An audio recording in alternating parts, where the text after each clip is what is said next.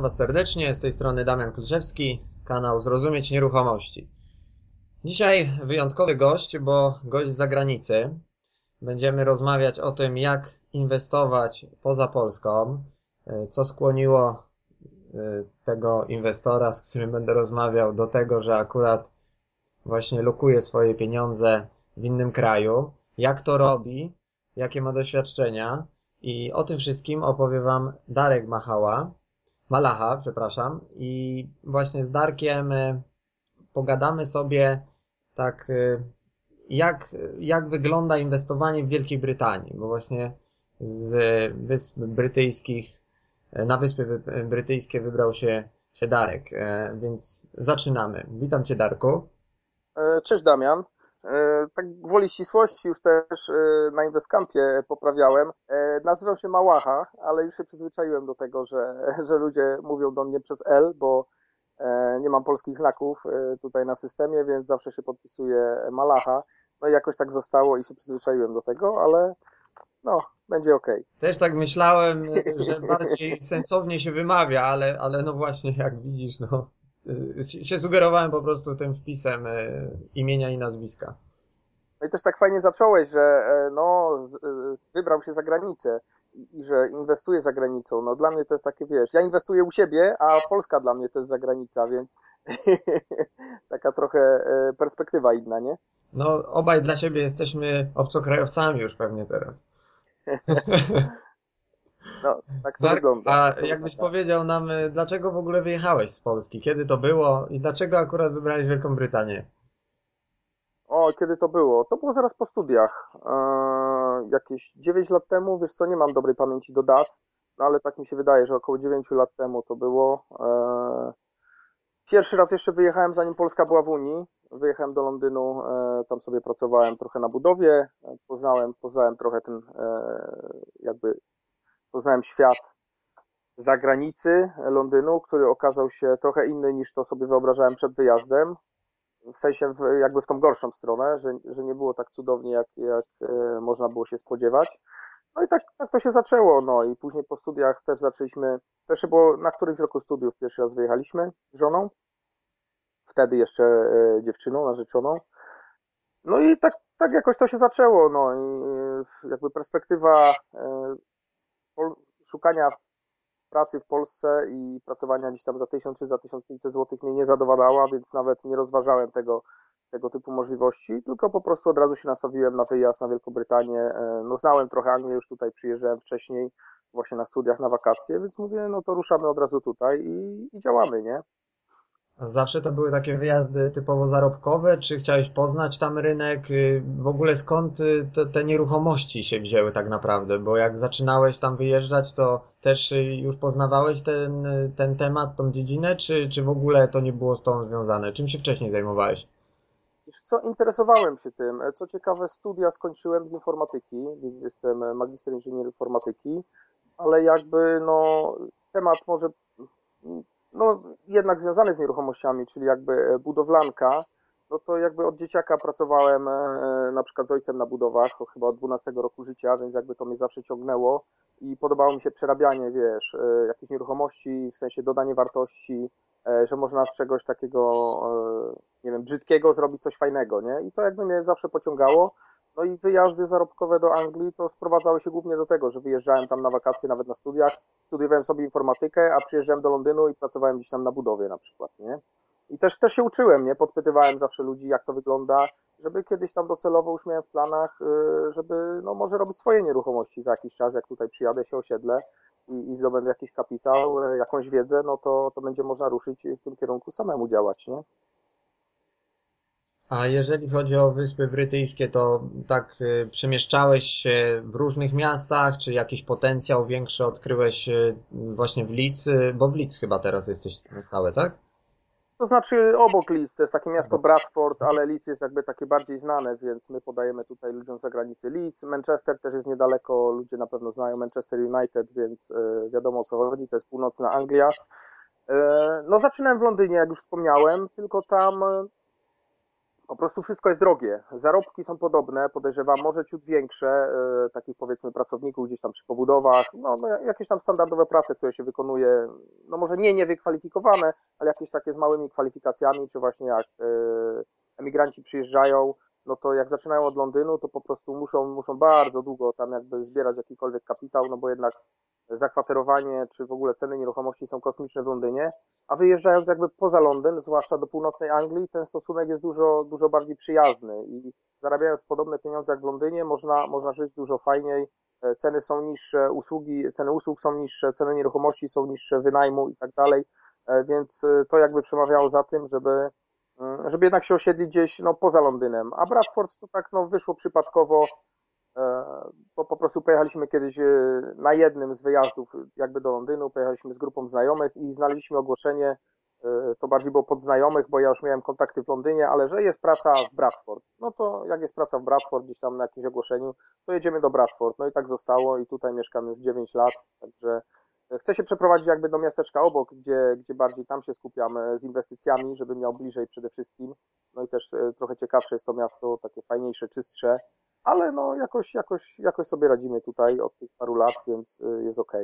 Czyli mimo, że te, te miejscowości, w których jesteś, nie są aż tak znane, może tak bardzo oblegane przez y, y, ludzi, jako ogólnie mówiąc o ludzi szukających pracy, czy, mieszkają, czy mieszkańców w ogóle Wielkiej Brytanii, tak bardzo jak Londyn, to i tak jest tak duży potencjał, czy podobny jak w Londynie, jeżeli chodzi o rynek nieruchomości? To znaczy, e, nie wiem, czy to nie jest e, nieoblegany teren, bo jednak tutaj to jest bardzo teren uprzemysłowiony i jednak pracy tutaj jest bardzo dużo i stąd jakby też zapotrzebowanie na zakwaterowanie. W Londynie to się bardziej wiąże, może e, ludzie inwestujący w Londynie bardziej się nastawiają na spekulacje, czyli na to, co ja nazywam spekulacją w każdym razie, czyli na, na wzrost ceny nieruchomości i, i mają bardzo niskie zwroty, na przykład jeśli chodzi o wynajem, tak? Te, te, te stosunki są dużo gorsze niż na przykład u nas na północy. E, potencjał, wiesz co, jeśli chodzi o wynajem, to mi się wydaje, że to podobnie jest wszędzie.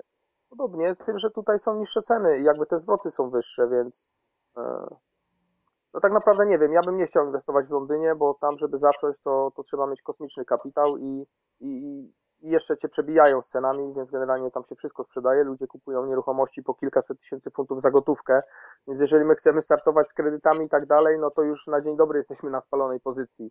Więc raczej mi się wydaje, tutaj spokojnie można to, e, robić to samo, a, a nawet osiągać lepsze rezultaty niż tam się bić e, w Londynie o, o jakieś tam e, kąski. No tak, a słuchaj, a powiedz mi, jak teraz się kształtują? Bo ja byłem w, akurat w Manchesterze z kilka e, lat temu, ładnych już, e, też w takiej pracy dorywczej, razem z kolegą, kiedy jeszcze w liceum byłem. E, I tam akurat był taki rynek, który mm, też przemysłowy, jeżeli chodzi o, o miasto, ale bardzo mocno inwestują na takich, e, nie wiem czy to w każdym mieście, ale akurat w Manchesterze tak było, że bardzo dużo było, e, nie wiem czy to Pakistańczycy, ale cudzoziemcy, którzy wykupili swego czasu e, bardzo tanio, bardzo dużą liczbę nieruchomości i teraz oni wynajmują, są takimi właśnie landlordami. Mhm. I, I to jest takie powtarzalne w innych miastach też w Wielkiej Brytanii. Jak, jaka jest ta tendencja? Czy faktycznie więcej cudzoziemców inwestuje, bo y, wcześniej jak wyjechali, dorobili się i nakupowali tych nieruchomości. Jak, jak, jak jest, to są trendy? Wiesz co, to jest nawet bym powiedział bardzo powtarzalne, gdyż y, Bradford to jest idealnym przykładem e, tego, o czym właśnie wspomniałeś.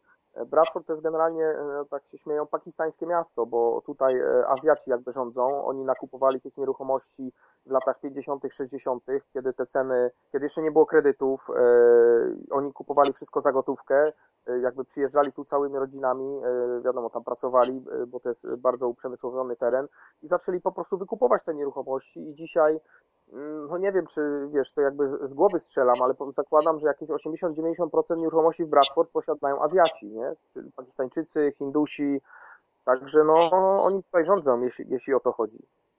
A ostatnie 10% Polacy.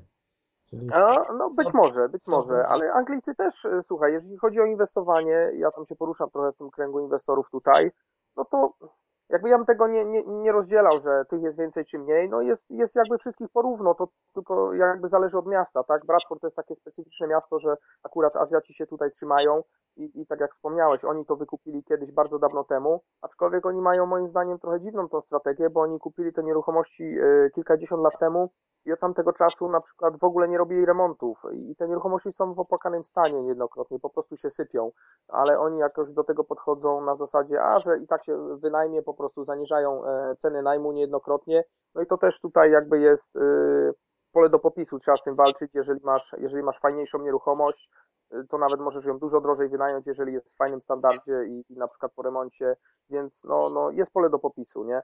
A orientowałeś się może na jakich warunkach kupowali e, te os- e, ci, ci cudzoziemcy te nieruchomości w takich ilościach w tamtych latach, kiedy nie było kredytów, że przywozili taki kapitał na wyspy i nagle kupowali 10 czy tam 15 mieszkań nawet pakietowo tak naprawdę, bo to jest jakby to, co mówisz właśnie się powtarza z Manchesteru, czy, czy w Leeds, czy w Bradford, no, y, jest, jest to taki trend, który wtedy był. I teraz y, pytanie, czy aż tak y, rząd brytyjski pozwolił cudzoziemcom na wykupowanie nieruchomości? Czy nie było jakiejś regulacji tego? Orientowałeś się może? Wiesz co, ja podejrzewam, że dużo też było im rozdane. Na zasadzie jednak tamte, w tamtych latach, z tego co się orientuje, rządziła Partia Pracy i, i był bardzo duży socjal, więc większość z tych nieruchomości podejrzewam, że były budowane za państwowe pieniądze, czyli zabierane ludziom w podatkach i to było po prostu tym ludziom rozdawane. No, tak mi się wydaje, nie, nie jestem tego pewien. Kapitał, czy oni przywieźli od siebie? Nie sądzę. Jeśli już to tutaj e, zarobili ten kapitał, e, oni jednak mają trochę taką żyłkę przedsiębiorczości. Większość takich sklepików, e, jakichś małych, czy nawet polskich sklepów, to tutaj polskie sklepy prowadzą nie Polacy, żeby było ciekawie, tylko właśnie Azjaci, Pakistańczycy i tak dalej. Oni, oni, oni jakoś tą przedsiębiorczość małą tutaj ciągną, no i zarabiają coś na tych biznesach, jednak jakby nie było mają trochę w tej swojej mentalności, że oni jakby, no nie wszyscy oczywiście, ale, ale większość, którą ja poznałem, że oni mm, nie używają w ogóle kredytów. E, czyli odsetki, w ogóle tam w Koranie chyba odsetki są zabronione, czy coś takiego. I oni generalnie, jak, jak kupują nieruchomość, to, to zbierają się w kilka osób, e, rodziną, kilkadziesiąt osób na przykład się składają. Przynajmniej tak robili wcześniej, z tego co słyszałem, e, jakby z opowieści różnych. No i tak to wyglądało, więc no, fakt jest taki, że, że wykupili całe miasto. Jaką metodą to zrobili, to jakby w tym momencie nie ma znaczenia. E, trochę dziwne jest to, że jakby Anglicy no, pozwolili, nie pozwolili, tylko no, tak, tak to wygląda, że na, na chwilę obecną Anglik w, w swoim własnym kraju, w mieście takim jak Bradford, wynajmuje mieszkanie na przykład do obcokrajowca, nie? Czy tam Brytyjczyka, ale pochodzenia azjatyckiego, bo oni oczywiście już mają obywatelstwa i tak dalej, bo to jest któreś pokolenie z rzędu. No ale tak, tak to wygląda, tak to wygląda. I teraz pytanie, czy to Anglikom się nie chciało, czy Azjatom się bardziej chciało? No wiesz, trudno powiedzieć. No tak, może, może znacznie wcześniej grali w Eurobiznes wiele razy doszli, i doszli do takiego poziomu, że wystarczy wszędzie postawić hotel i, i będą mistrzami tej gry, więc... No może, Kiosakiego wtedy jeszcze nie czytali na pewno, bo, bo go nie było na świecie, ale no widzisz, jakoś, jakoś to zrobili i teraz my mamy, no musimy jakby tą przewagę zniwelować, jeżeli chcemy robić coś podobnego, jako na przykład, jako grupa, jako nacja, jako Polacy, to też musimy jakby no, działać wspólnie, bo pewnych rzeczy nie przeskoczymy, bo jeżeli my kupujemy w Bradford na przykład nieruchomość i musimy się wspierać kredytem, no i płacimy ratę tego kredytu, a, a Pakistańczyk ma 20 e, czy 30 takich nieruchomości i to be, nieobciążonych kredytem, więc generalnie nie ma jakichś tam kosztów z tym związanych, no to wiadomo, no to jakby szanse są trochę nierówne, nie? I, I trzeba to nadrabiać innymi rzeczami wtedy.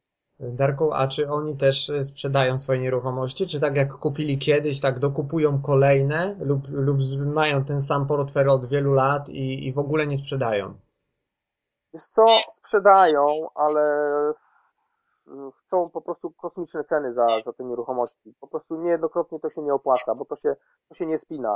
One są bardzo często puste, niewynajmowane, a oni jakąś, mają jakąś taką mentalność, że oni widzą ten, ten wzrost wartości tutaj w Anglii, który jest jakby no, tak chełbiony, że ceny nieruchomości w Anglii rosną co dwa lata, co by się, nie, sorry, że dwa razy, dwukrotnie ceny nieruchomości rosną w ciągu 10 lat i oni chyba na to liczą, że nawet jak stoi pusta przez 10 lat, no to taką nieruchomość sprzeda za dwa razy tyle. No ale jakby tutaj e, to jest trochę, mi się wydaje, złudne podejście, bo jednak ta nieruchomość e, to powinno być aktywo, które zarabia, a nikt nie kupuje nieruchomości po to, żeby stała, więc sprzedać ją kolejnemu inwestorowi po to tylko, żeby stała, no to jakby tutaj, tutaj mi się to trochę nie spina, więc no, no nie wiem, jaką oni mają strategię, no trochę mi się wydaje to dziwne, co oni robią. Aczkolwiek no to się zmienia już i, i jest, jest kilku landlordów, którzy mają dość duże portfolia i powoli, e, powoli zaczynają to wyprzedawać. E, jednym z powodów jest to na przykład, że nie mają komu tego zostawić, no bo to jakby e, to młodsze pokolenie już tak bardzo nie chce się tym zajmować, bo rodzice się dorobili, jakby wszystko mają opłacone, tak, niejednokrotnie gdzieś tam byli wysyłane na jakieś fajne studia za granicą i tak dalej, są lekarzami, prawnikami i im się nie chce jakby zajmować nieruchomościami i to jakby też wszystko podupada, no i jest, y, no jest pole do popisu dla, dla kogoś, jest nisza i można, można coś robić w tym kierunku, nie?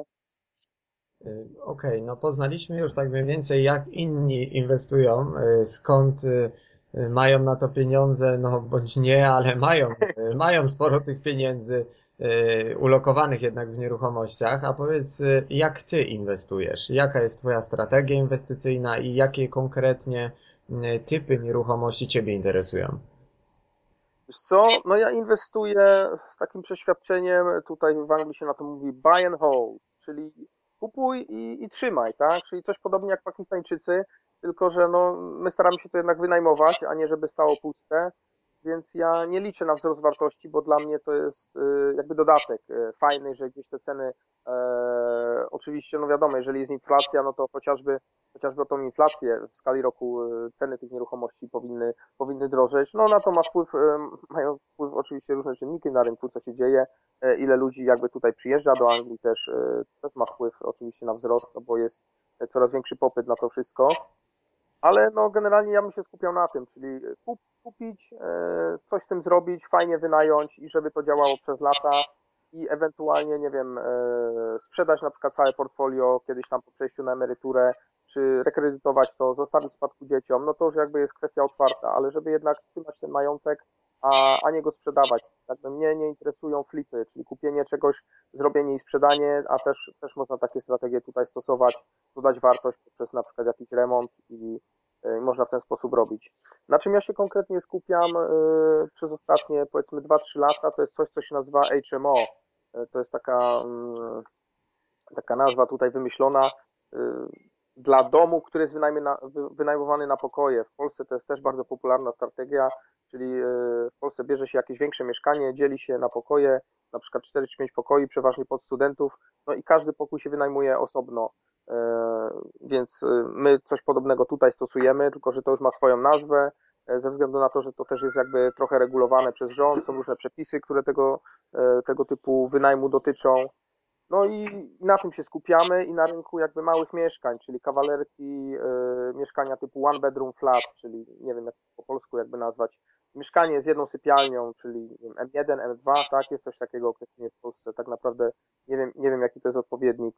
Załóżmy, że mamy kuchnię z salonem y, i, do tego mamy osobną sypialnię i łazienkę na przykład, no to coś takiego. Czyli rynek małych mieszkań, coś co jakby też y, tutaj strategia Sławka Poturi jest, y, mi się bardzo podobała, że on się skupia na konkretnym e, rynku kawalerek w Polsce, bo kawalerka to jest coś, co się zawsze wynajmie. No i ja też tutaj jakby też się konkretnie na tym skupiam, bo pokój może niekoniecznie zawsze się wynajmie, bo to zależy od koniunktury, ale dlatego też wchodzimy trochę poziom wyżej w to wszystko i, i zaczynamy właśnie robić małe kawalerki, większe kawalerki, takie właśnie one bedroom flaty, i to jest coś, na czym, e, na czym docelowo się skupiam i, i chcemy, chcemy się tej strategii trzymać. A tutaj wspomniałeś o pewnych regulacjach, które dotyczą e, mieszkań w e, wynajmie na pokoje. To jest też coś, czym ja się zajmuję. I ciekawi mnie, jak to właśnie jest uwarunkowane i od kiedy jest uwarunkowane tak naprawdę w danym kraju innym niż Polska. Jakie tutaj przepisy masz na myśli? Czy, czy co reguluje rząd w przypadku tego konkretnego najmu? Oj, to się zaczęło wszystko, o ile się nie mylę, w 2006 roku. Ja jeszcze wtedy nie inwestowałem, więc jakby no, no nie pamiętam czasów e, sprzed, sprzed tych regulacji.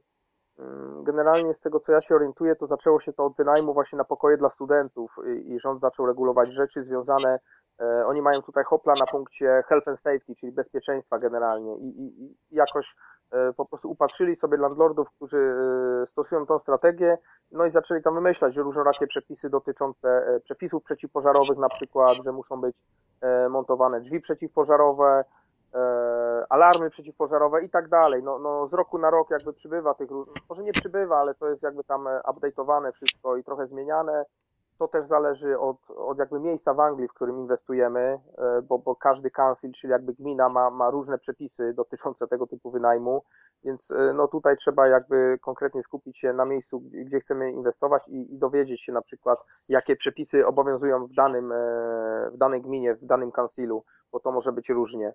No i, i to, jest, to jest tutaj do, dość tak, dość, dość ostro regulowane nawet do tego stopnia, że jeżeli y, kupimy takie HMO albo kupimy inny budynek i przerobimy na HMO, jeżeli chcemy uzyskać y, jakiś kredyt na niego, y, to musimy mieć na przykład w przypadku, jeżeli ta nieruchomość ma ponad dwa piętra, czyli trzy piętra i więcej, musimy uzyskać tak zwaną licencję z kansilu.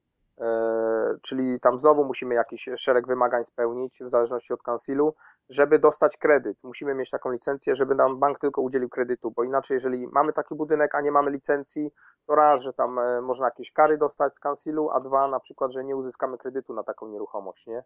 Więc no, no jest tutaj takich, to jest, e, to jest taki trochę minus tego rynku, no ale jak się wie, co się robi, no to jakby tutaj e, no jest trochę mniejsza konkurencja ze względu na to, gdyż ludzie niekoniecznie chcą się, chcą się bawić w te wszystkie przepisy i, i je spełniać i robić tego typu rzeczy, no więc to jakby no jest, jest i trochę minusem i trochę plusem, nie?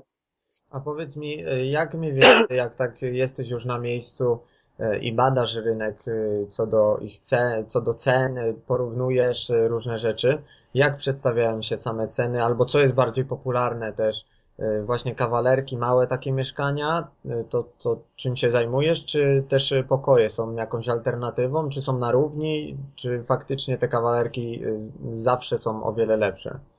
Ale chodzi Ci teraz tutaj o cenę zakupu, czy o cenę... Oceny, najpierw może o ceny najmu. Jak to się kształtuje? Ceny najmu.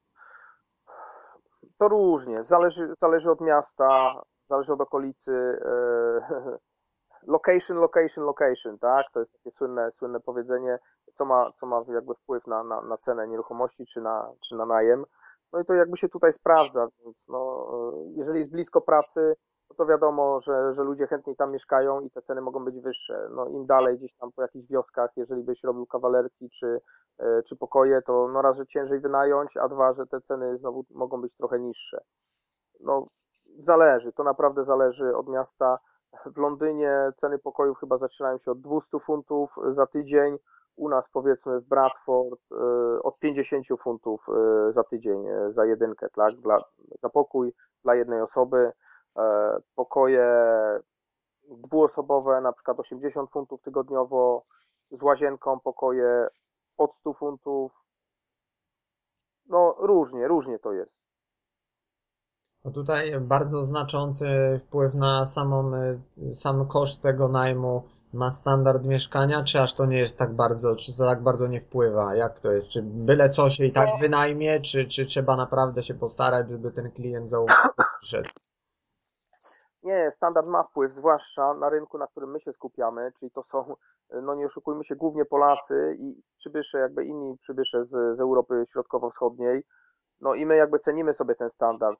Ludzie tutaj troszkę jakby no standard angielskich nieruchomości, czy tych właśnie pakistańskich pozostawia dużo do życzenia a, a jednak standard, który my robimy, pod, podoba się Polakom, podoba się naszym rodakom. Oczywiście Anglikom też się podoba yy, i też chętniej za to płacą, tylko jakby oni, oni tego nie znają. Dla nich ten standard, taki jaki tutaj jest, taki średni, yy, czy nawet niski bym powiedział, no to, to im pasuje i, i tak to wygląda. Polacy chcą mieszkać w trochę lepszych warunkach, yy, wiesz, bez grzyba, bez wilgoci i, i są w stanie za to zapłacić nawet, nawet dość, dość sporo więcej niż, niż w jakichś tam kiepskich warunkach, nie?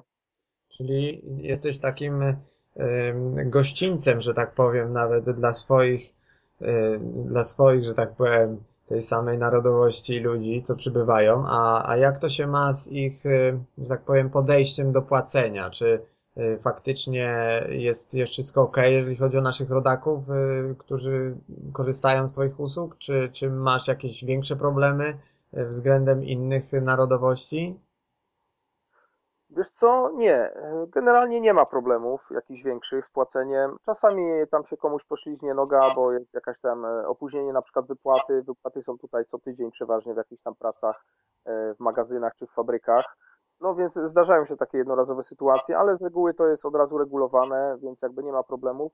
Co ciekawa, co ciekawe, to inni landlordzi, czyli innych narodowości, Anglicy, Pakistańczycy, bardzo sobie cenią polskich najemców, e, bo wiedzą, że, że są solidni, płacą na czas, płacą rachunki i przede wszystkim dbają o nieruchomości, bo my mamy jakoś to, nie wiem, zakorzenione, czy, czy mamy jakąś taką etykę w sobie, e, czy jesteśmy tego nauczeni jakby e, może w Polsce, żeby, żeby jednak dbać, dbać o cudze, tak, jak o swoje, i, i jednak te rachunki, to wszystko płacić, no bo jednak mamy jakąś umowę zawartą z kimś. No i, i Polak jako najemca jest bardzo ceniony w Anglii, więc, e, więc to jest dość fajna sprawa, nie? Darko, jeszcze tutaj, e, jak tak sobie porównuję pewne rzeczy, o których mówisz z francuskim rynkiem, bo ja tam mieszkałem też prawie 3 lata, to te rynki zachodnie mają dosyć już szczelne, takie stabilne, ugruntowane od wielu lat prawo co do najmu. E, w przeciwieństwie do Polski, gdzie tu dużo rzeczy się zmienia, albo w ogóle jest e, z czasów jeszcze zamierzchłych tak naprawdę. E, niektóre są po prostu te dokumenty, ustawy i, i to nijak się ma do współczesnych warunków. Powiedz mi, jakie są takie korzyści dla inwestora, jakie są różnice w tych jak, jak odczuwasz w ogóle to prawo dla, dla swojego biznesu? Czy ono pomaga przez to, że jest tak bardzo szczelne, tak y, stabilne? Czy, czy faktycznie to daje takie poczucie bezpieczeństwa? Czy też y, no, musisz wszystkiego kontrolować y, i, i, i ta rentowność czasami nie jest taka, jak powinna, bo z każdej strony jesteś jakoś tam ograniczony z jakimiś przepisami? No, wiesz co, to jest różnie. To jest różnie yy, z tym prawem jakby nie mam do czego porównać, bo, bo nie znam tak naprawdę wprawa w Polsce, a, aczkolwiek z opowieści wiem, no, że jest troszkę właśnie takie jakby na dziko. Tutaj no, jest ten rynek trochę bardziej ucywilizowany, ale to też ma swoje minusy. No, ja tak mogę ze swojego punktu widzenia e, powiedzieć, e, no, Anglia jak każdy e, socjalistyczny kraj, no niestety prawo, prawo takie, jeśli chodzi o o wynajem no jest niestety pisane pod najemców, przynajmniej tak mi się wydaje z mojej perspektywy, czyli że, że najemca ma dużo więcej praw niż obowiązków i ma jakby dużo więcej praw niż, niż właściciel, no, no co w praktyce e, może, może się nieciekawie skończyć. E, teraz też jeszcze tam wchodzą jakieś dodatkowe regulacje. No po prostu trzeba wiedzieć, co się robi. Trzeba wiedzieć, co się robi, trzeba trzymać rękę na pulsie, albo najlepiej zlecić wynajem komuś, kto, kto robi to po prostu od kilku lat, ma doświadczenie i, e, i zna te wszystkie przepisy i te zmiany, które wchodzą i tak dalej i się tego trzyma, no gdyż nie trzymając się można, można bardzo łatwo popłynąć na czymś, e, na przykład słynny tem, tutaj u nas temat depozytów, co w Polsce depozyty na przykład wiem, że dopiero wchodzą, był plan zakładania jakiejś firmy, która ma jakby te depozyty przechowywać na zasadzie później arbitrażu, E, ewentualne spory rozstrzygać, no to tutaj jest coś podobne, podobnego, z tym, że to jest na tyle wyregulowane, no, że niestety jest obowiązkowe, czyli nie masz wyboru. Jeżeli bierzesz depozyt od najemcy, to musisz go umieścić w jakiejś tam firmie zewnętrznej, e, nawet pod karą tego typu, że jeżeli nie dopełnisz formalności, na przykład nie zgłosisz tego w odpowiednim momencie, tego najemcy nie, nie powiesz, nie przedstawisz papierów, to taki najemca ma e, prawo jeszcze tego, z tego samego dnia żądać od ciebie trzykrotności tego depozytu zwrotu i on w sądzie wygra sprawę i dostanie i, i będziesz musiał mu wypłacić ten depozyt. Więc to jest takie, no mi się wydaje trochę, trochę nie fair w stosunku do, e, do właścicieli, tak, do landlordów, gdyż no to prawo jest jakby jednak szala się przechyla na stronę, na stronę najemców i, i, i mają różne dodatkowe takie prawa, które z niczego nie wynikają i no to jest, to, to jest mi się wydaje duży minus tutaj jednak.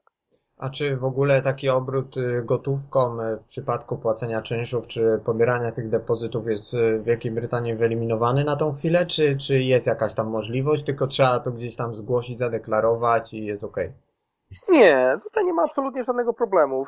Bradford większość większość landlordów po prostu co tydzień regularnie jeździ, zbiera, zbiera gotówkę od swoich najemców e, i tutaj jakby no nie ma z tym największego problemu. Można to bez problemu zaksięgować, można tego nie księgować, jak ktoś, jak ktoś nie przepada e, za podatkami, więc no tutaj w tym, akurat w tym temacie to, to nie ma większego problemu. Oczywiście znowu wracamy do tematu prawa, jeżeli taki najemca na przykład by się uparł i my by, nie bylibyśmy w stanie udowodnić, że faktycznie on nam płacił albo no cokolwiek, tak, nie dotrzymamy, a trafimy na jakiegoś takiego y, najemcę, który niekoniecznie chce u nas mieszkać, tylko jakby chce nas y, od razu na czymś przekręcić, bo, bo, też, bo też są tacy, tutaj się trafiają. Mi się jeszcze taki nie trafił, ale słyszałem z, odpowie z, odpowiedzi, z opowieści różnych Anglików, że trafia się tak zwany cwaniak, który od razu od początku się wprowadzając y, chcecie naciągnąć na różnego typu rzeczy i na przykład mówi, a że on nie potrzebuje właśnie na przykład tego zaświadczenia o tym, że że ten depozyt gdzieś tam był wpłacony,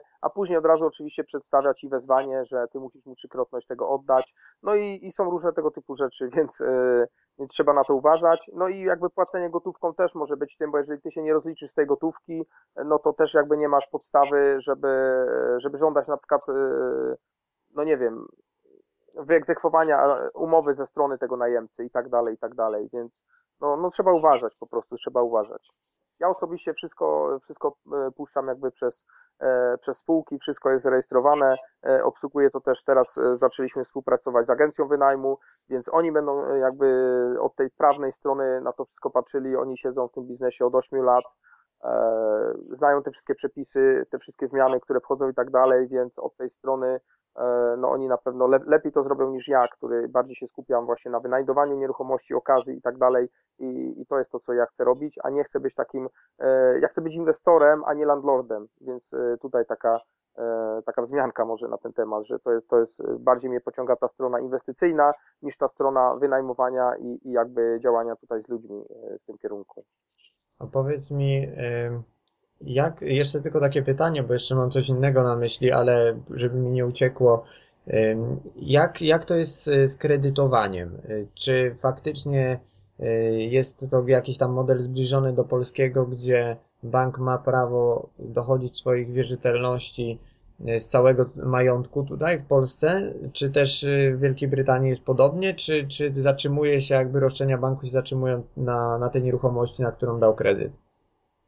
No tutaj akurat jest y, na plus, jeśli chodzi o Wielką Brytanię, bo to jest dokładnie tak jak wspomniałeś i jest to dokładnie tak samo jak w Stanach Zjednoczonych, czyli jakby tutaj na, na siebie y, bank, jeżeli daje Ci kredyt na nieruchomość, to bank bierze jakby ryzyko na siebie, a nie przelewa go na Ciebie, tak jak to jest w Polsce i na cały Twój majątek.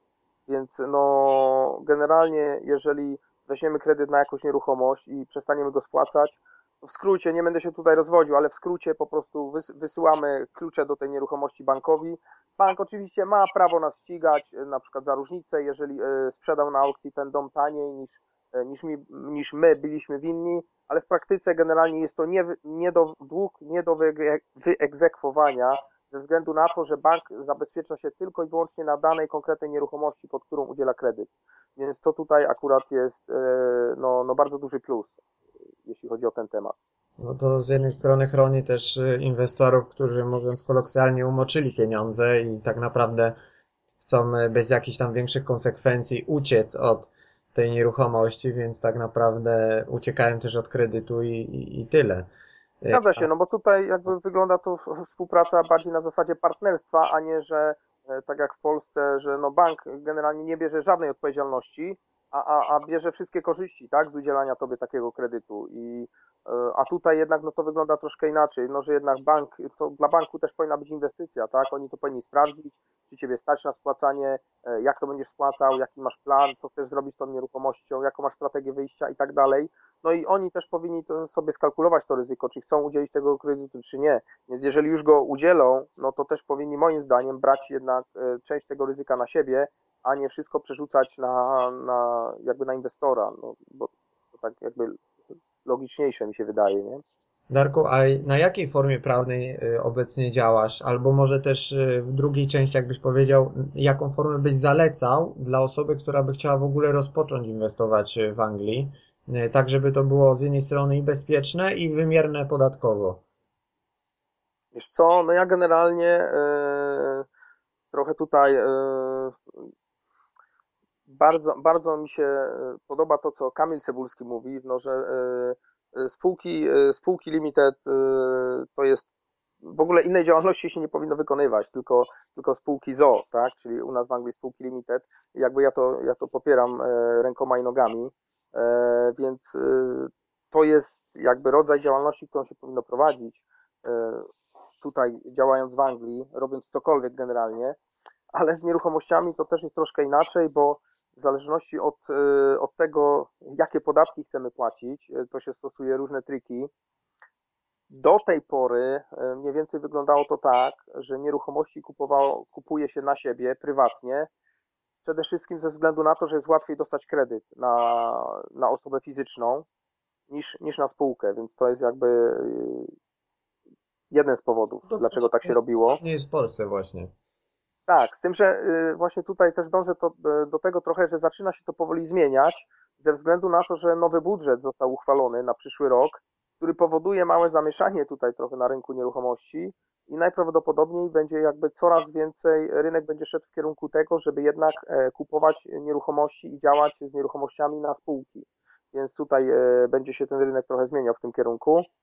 Do tej pory w skrócie, no prościej, prościej, łatwiej było kupić na siebie ze względu na kredyt, a znowu wy, wynajem odbywał się przez spółkę jakby, czyli że spółka ode mnie, w skrócie, spółka ode mnie wynajmuje nieruchomość na jakichś tam warunkach i na przykład w przypadku wynajmu na pokoje, ta spółka już podnajmuje pokoje dalej i ta spółka jakby czerpie z tego zysk, a my mamy zysk na poziomie takim, że yy, mamy oczywiście odpowiednie koszty do tego i generalnie jako osoba fizyczna sobie ten, ten dochód zerujemy, nie płacimy my żadnego podatku, a resztę jakby podatków płaci spółka, która ma w Anglii na spółki jest podatek liniowy 20%, więc jakby omijamy yy, progi podatkowe, które są na osoby fizyczne, tam jest 20%, 32% chyba i 40 parę, wiesz co, zabij mnie, nie znam tych wyższych progów, bo na nie nie wchodzę właśnie ze względu na to, że, że używam spółek, więc nawet mnie to tak naprawdę nie interesuje, więc, więc nie znam tych progów. A, I jeżeli chcemy, chcemy się trzymać tego podatku liniowego, to, to lepiej to zdecydowanie robić przez spółki. Ze względu trochę na tą zmianę w budżecie, która ma być, no to jakby też wydaje mi się, że banki się trochę do tego dostosują i instytucje, które udzielają kredytów na nieruchomości, że jednak będzie łatwiej dostać kredyt na spółkę niż, yy, może nie łatwiej niż na osobę fizyczną, ale łatwiej będzie dostać na przykład w przyszłym roku, wydaje mi się, kredyt na spółkę, jeśli chodzi o zakup nieruchomości, niż to ma miejsce w tym roku, a i niż miało miejsce na przykład rok temu, więc jakby rynek y, w tym kierunku dąży. No i to mi się wydaje, że to jest y, krok w dobrym kierunku, żeby, żeby coś takiego robić. A są jakieś takie programy wsparcia, nie wiem, czy to też przy użyciu, przy użyciu kredytów bankowych, czy też jakieś y, większe zwolnienia, jakieś bonifikaty, cokolwiek takiego y, ze strony rządu dla osób, które dopiero co przyjeżdżają do Wielkiej Brytanii, jakoś tam już zaczynają funkcjonować, pracować i, i mają już jakieś pieniądze odłożone, czy to na wkład własny, czy też dla wiarygodności swojej, czy tam odpowiednią umowę. I, i faktycznie jakieś takie programy, które dają taki impuls do działania dla tych e, młodych osób, żeby nie tylko kupić e, dla siebie jakieś mieszkania, ale tak pod inwestycje.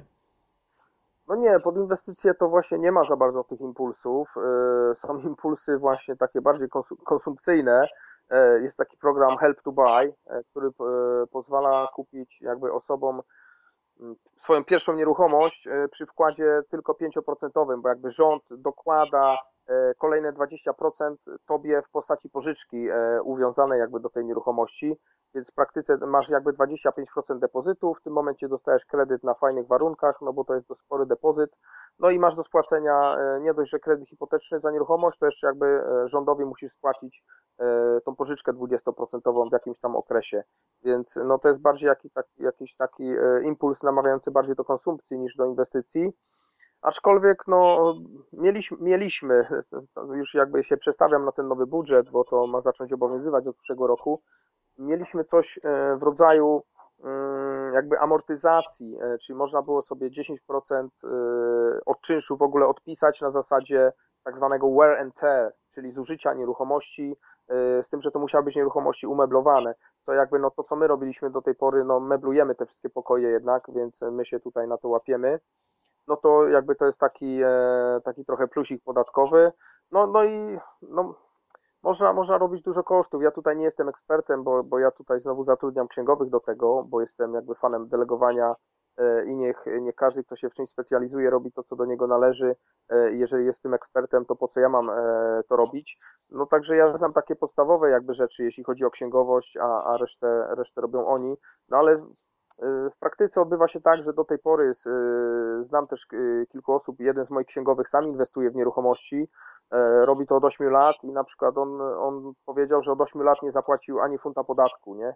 Więc no, da się to robić. Czyli dopóki inwestujemy, mamy koszty jakieś, coś robimy związanego z tym biznesem, no to przynajmniej do tej pory to było o tyle fajne, że można było od tych podatków uciekać, więc no, można powiedzieć, że nie ma tego impulsu bezpośrednio, ale jakoś tam pośrednio przez te różne różne kruczki, różne, e, różne, mm, różne możliwości e, wrzucania pewnych rzeczy w koszty i tak dalej, amortyzacje, no można, można od tych podatków trochę uciekać i, i można tutaj zaoszczędzić na pewno na tym.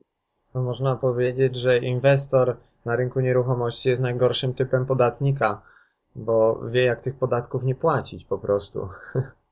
No zgadza się, no ale znowu, jeżeli nie płaci tych podatków, to coś robi z tymi pieniędzmi, czyli tak. inwestuje dalej, tak? Tworzy miejsca pracy mhm. E, i to jest generalnie to, o co chodzi w gospodarce, a nie tam jakieś e, stymulacje i, e, i inne dziwne pomysły rządowe. No pieniądze moim zdaniem powinny krążyć w gospodarce, a nie być tam jakoś sztucznie gdzieś tam przepychane z miejsca w miejsce po to, żeby stworzyć tylko kilka miejsc pracy dla urzędników, nie? Więc mi się wydaje, no, że jednak mimo wszystko to idzie, to idzie w dobrym kierunku. Darku, a miałeś jakieś takie sytuacje ekstremalne, czasami, które, nie wiem, teraz z perspektywy czasu mogą się wydawać śmieszne, a, a wtedy takie nie były? Jakbyś może jakąś tam z jedną, dwie przytoczył? Ekstremalne sytuacje, a dotyczące ogólnie, czego? ogólnie mówiąc, y, nie wiem, może to być najem, zakup jakiegoś y, mieszkania, domu, y, jakkolwiek związane z nieruchomościami. Nie, wiesz co, nie przypominam sobie nic ekstremalnego. No jednak tutaj to prawo jest na tyle, e, na tyle proste i, i jeżeli wspierasz się wiedzą jakichś tam ekspertów, prawników, księgowych i tak dalej, to ci powiem, że, że nie wiem, jakichś ekstremalnych sytuacji nie miałem. E, nigdy w życiu nie byłem w urzędzie skarbowym e, tutaj w Anglii. Także, no nie, nie wiem, co tu może być ekstremalnego w tym momencie. Wszystkie kwestie z urzędem skarbowym jesteś w stanie załatwić internetowo? Tak, internetowo, listownie, przez księgowego, no jakkolwiek sobie życzysz. E, ja generalnie wysyłam wszystko do księgowych, oni mi tylko wysyłają jakieś tam sprawozdanie i papiery do podpisania i, i to wszystko gdzieś tam idzie. Ja nawet tak naprawdę się nad tym nie zastanawiam. No życzylibyśmy sobie w Polsce takiego podejścia też. też, też wam życzę takiego podejścia. No może dlatego zacząłeś inwestować tam, a nie tu. no, Pewnie tak, pewnie tak. Yy, no jak wspomniałem, ten rynek jest jednak trochę bardziej cywilizowany, co ma swoje plusy i minusy, yy, o czym wspomniałem.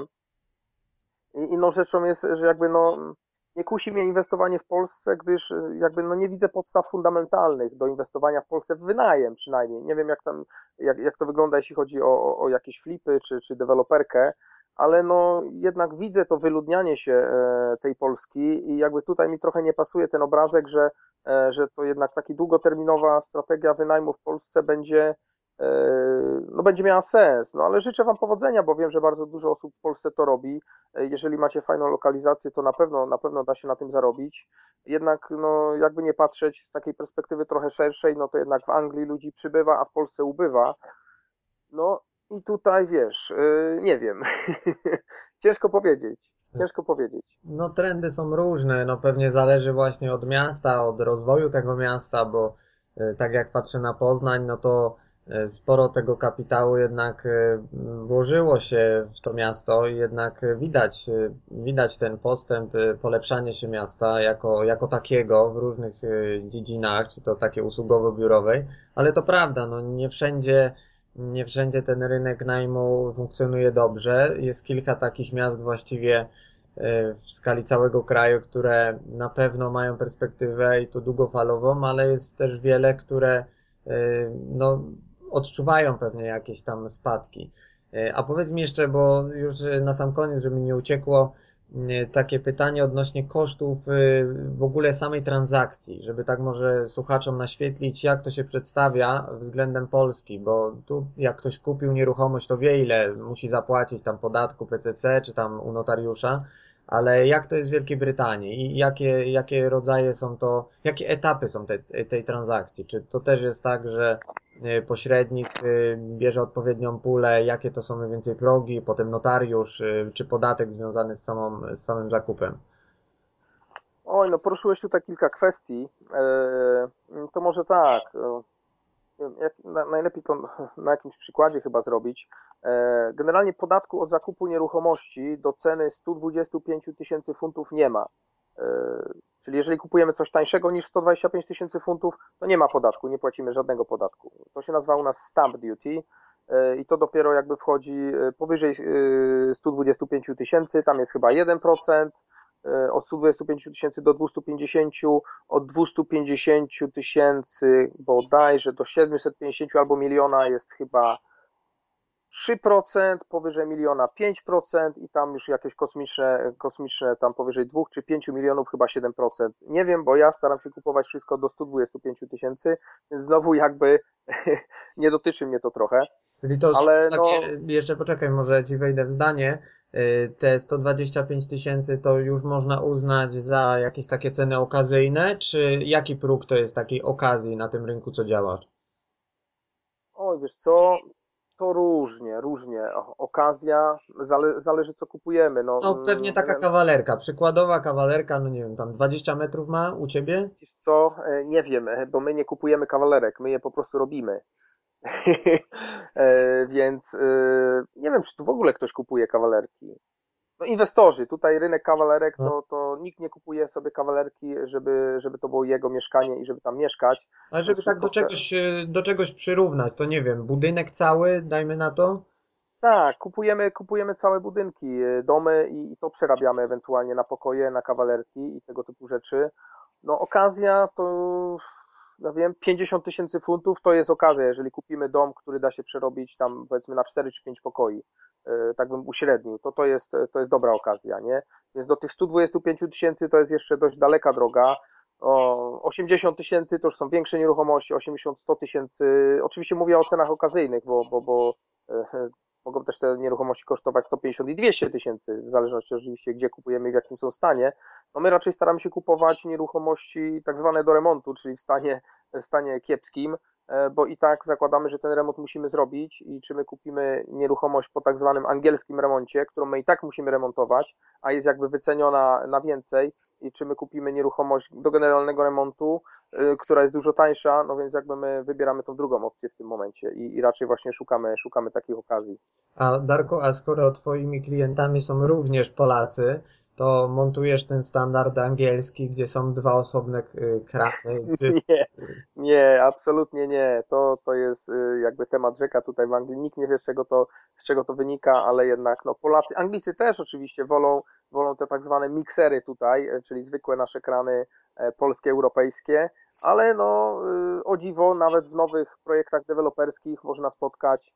Ja mieszkam na przykład w domu, e, który wynajmuję ten dom ma, nie wiem, niecałe 10 lat podejrzewam, więc jest no dość nowy, tak, jak na angielskie warunki. No i mam oczywiście dwa zlewy z dwoma kranami, więc to jest e, taka zmora, zmora trochę tutaj. No ale my oczywiście montujemy nasze standardowe e, jednokranowe miksery, baterie, takie, które mieszają wodę a nie, że mamy w jednym kranie e, zimną, a w drugim e, taką, że można sobie ręce poparzyć i, i nie wiadomo, co z tym zrobić. Ale widziałeś, jak sobie niektórzy już poradzili z tym, widziałeś? Może to Tak, na butelkę, na tak, butelkę. Na butelkę.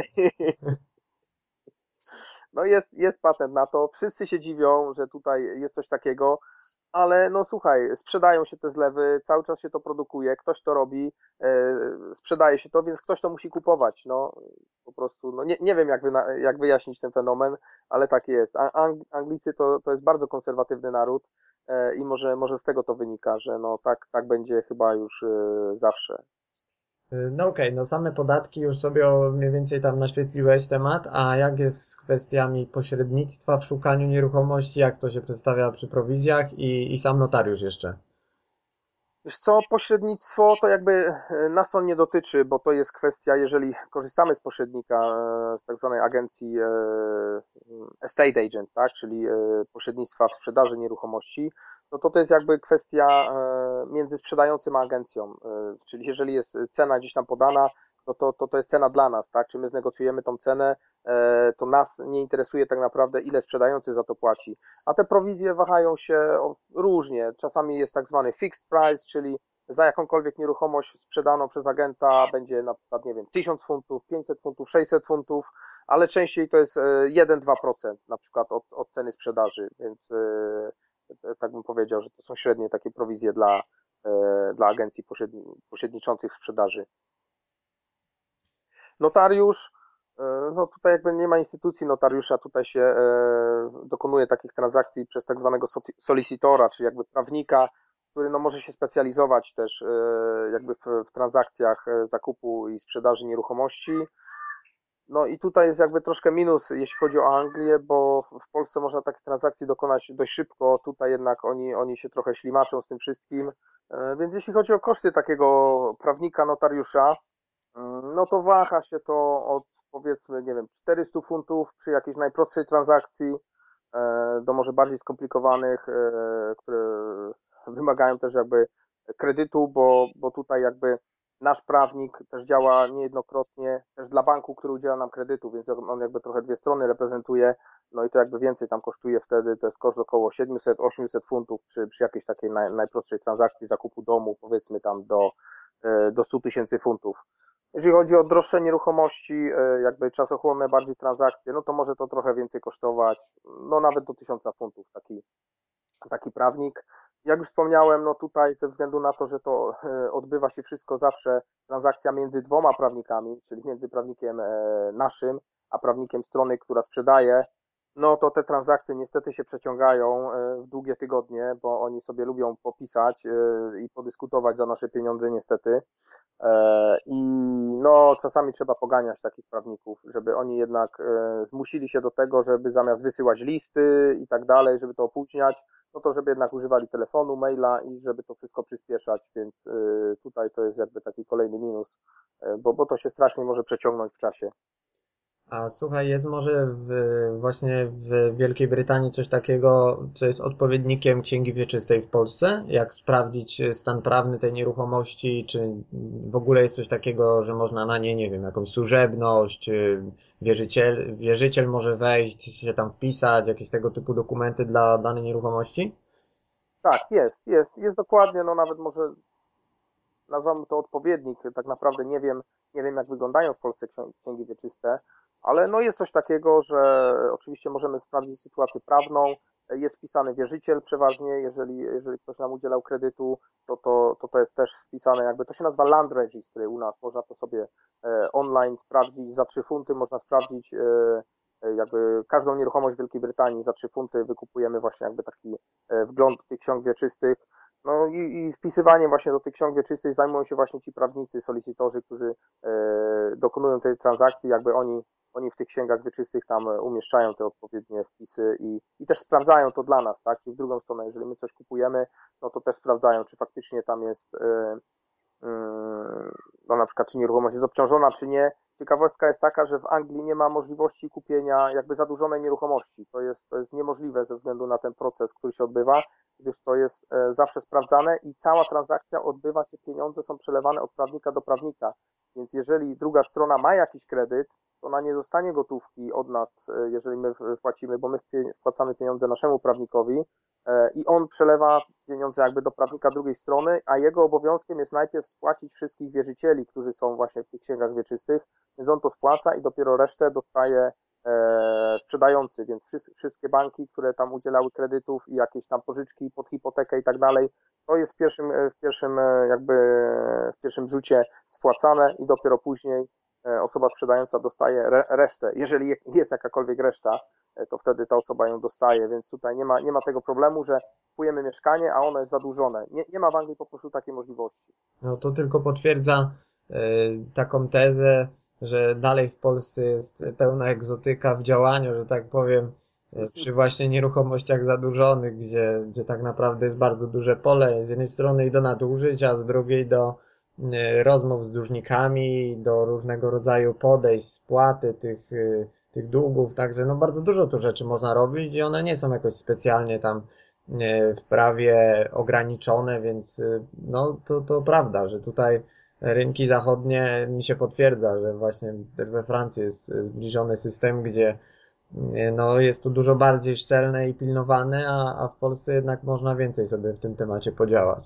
E, Darku, a jeszcze jakbyś na sam koniec e, mógł powiedzieć e, takie, nie wiem, z dwie, trzy wskazówki dla osoby, która chce przyjechać do Anglii i zacząć inwestować w nieruchomości. W co byś zalecił zainwestować takiej osobie, E, czy to miałoby być przez, e, przy użyciu kredytu?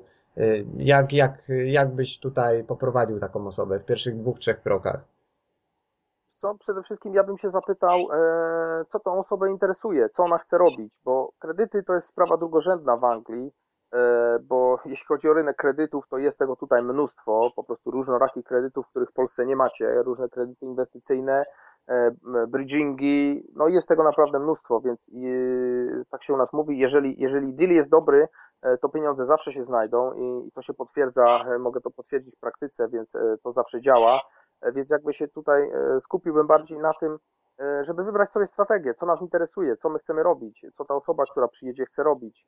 No, żeby się dowiedzieć, jakie są strategie, no to warto by się popytać inwestorów, nie wiem, przeczytać kilka książek, co ja mogę e, polecić? E, no nie będę tu oryginalny. Książka Rich Dad, Poor Dad e, Roberta Kiosakiego jest jakby, może ona jeśli chodzi o rynek polski, to nie ma się tam za bardzo do czego odnieść, ale rynek angielski jest bardzo podobny do rynku amerykańskiego, więc wiele wskazówek, które, które Robert tam podaje, no można, można tutaj zastosować w Anglii i, i jednak ta książka tutaj mo, może trochę spowodować to, że no, będziemy e, już mieli jakie, jakieś pojęcie o inwestowaniu na przykład na rynku Wielkiej Brytanii.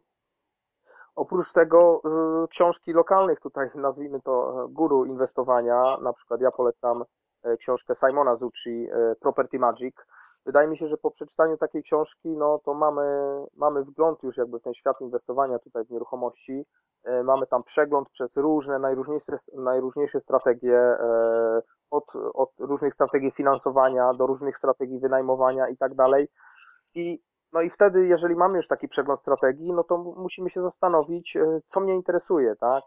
E, jak ja chcę inwestować, jaki mam kapitał, bo to też jakby uzależnia, jeżeli mam e, mało, mało pieniędzy, a dużo czasu, to zastosuję inną strategię, na przykład podnajem, tak? W Polsce też się stosuje. Jeżeli mam większy kapitał, a znowu mało wolnego czasu, no to już jest inna strategia. No i musimy, taka osoba musi tą strategię jakby do siebie dobrać i przede wszystkim wybrać sobie taką strategię, e, żeby wiedzieć, e, co chce robić. E, no więc jakby ja bym to zalecał jako pierwszą rzecz, jeżeli ktoś tutaj chce przyjechać, mieszkać, żyć i, i myśli o inwestowaniu w nieruchomości. Narko, no i na koniec jakiś kontakt może do Ciebie, gdzie mogą się osoby chcące w jakiś sposób z Tobą zobaczyć, y, przyjechać, y, gdzie jesteś, w jakich konkretnych miejscach, y, jak, jaka jest częstotliwość spotkań, bo wiemy, że jest to przez pewne wydarzenia, ale to już Ty może powiedz, jak, jak można się z Tobą połączyć. Wiesz co, no to tutaj jeszcze jakby nawiązując e, do tego, do jakby do tej porady, e, jak ktoś ma zacząć inwestować, to mi się wydaje, że jakby fajnie zacząć e, podobnie jak ja to zrobiłem, czyli jakby no dostać się do tego środowiska, które inwestuje, tak, zacząć się spotykać z tymi ludźmi, z inwestorami, uczyć się od nich, jeździć na spotkania, networkingi, dowiadywać się, szukać okazji e, i to, i to jest e, jakby no trochę połączenie przyjemnego z pożytecznym, tak, bo się spotykamy z ludźmi fajnie, możemy sobie porozmawiać e, i możemy też się dużo nauczyć i my jakby mm, wychodząc też z tego założenia, trzy, trzy lata temu zaczęliśmy organizować takie spotkania dla Polaków. W Lidz spotykamy się regularnie od trzech lat, co miesiąc, w soboty o 15. Nazwaliśmy to roboczo Freedomiacy, jakby od pomysłu Sławka Muturi, ale jakiś czas temu przyłączyliśmy się do, do Global Investor Club, y, czyli inicjatywy Mariusza Matryjka z Polski.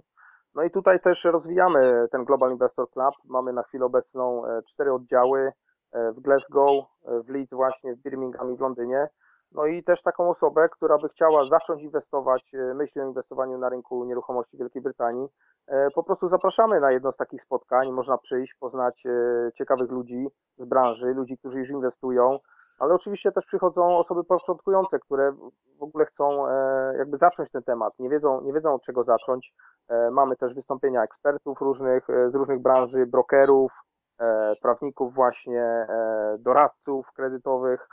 No, po prostu co, co tylko można sobie wymarzyć i wymyślić, to na pewno gdzieś tam jakaś osoba się u nas przewinie e, i można, można pogadać z fajnymi ludźmi i przede wszystkim zobaczyć, co ludzie robią, w co inwestują, e, jakie stosują strategie i może, może coś e, podpasuje danej osobie, że będzie chciała robić coś podobnego i, i, i można się, może, możemy się uczyć właśnie jakby sami od siebie nawzajem.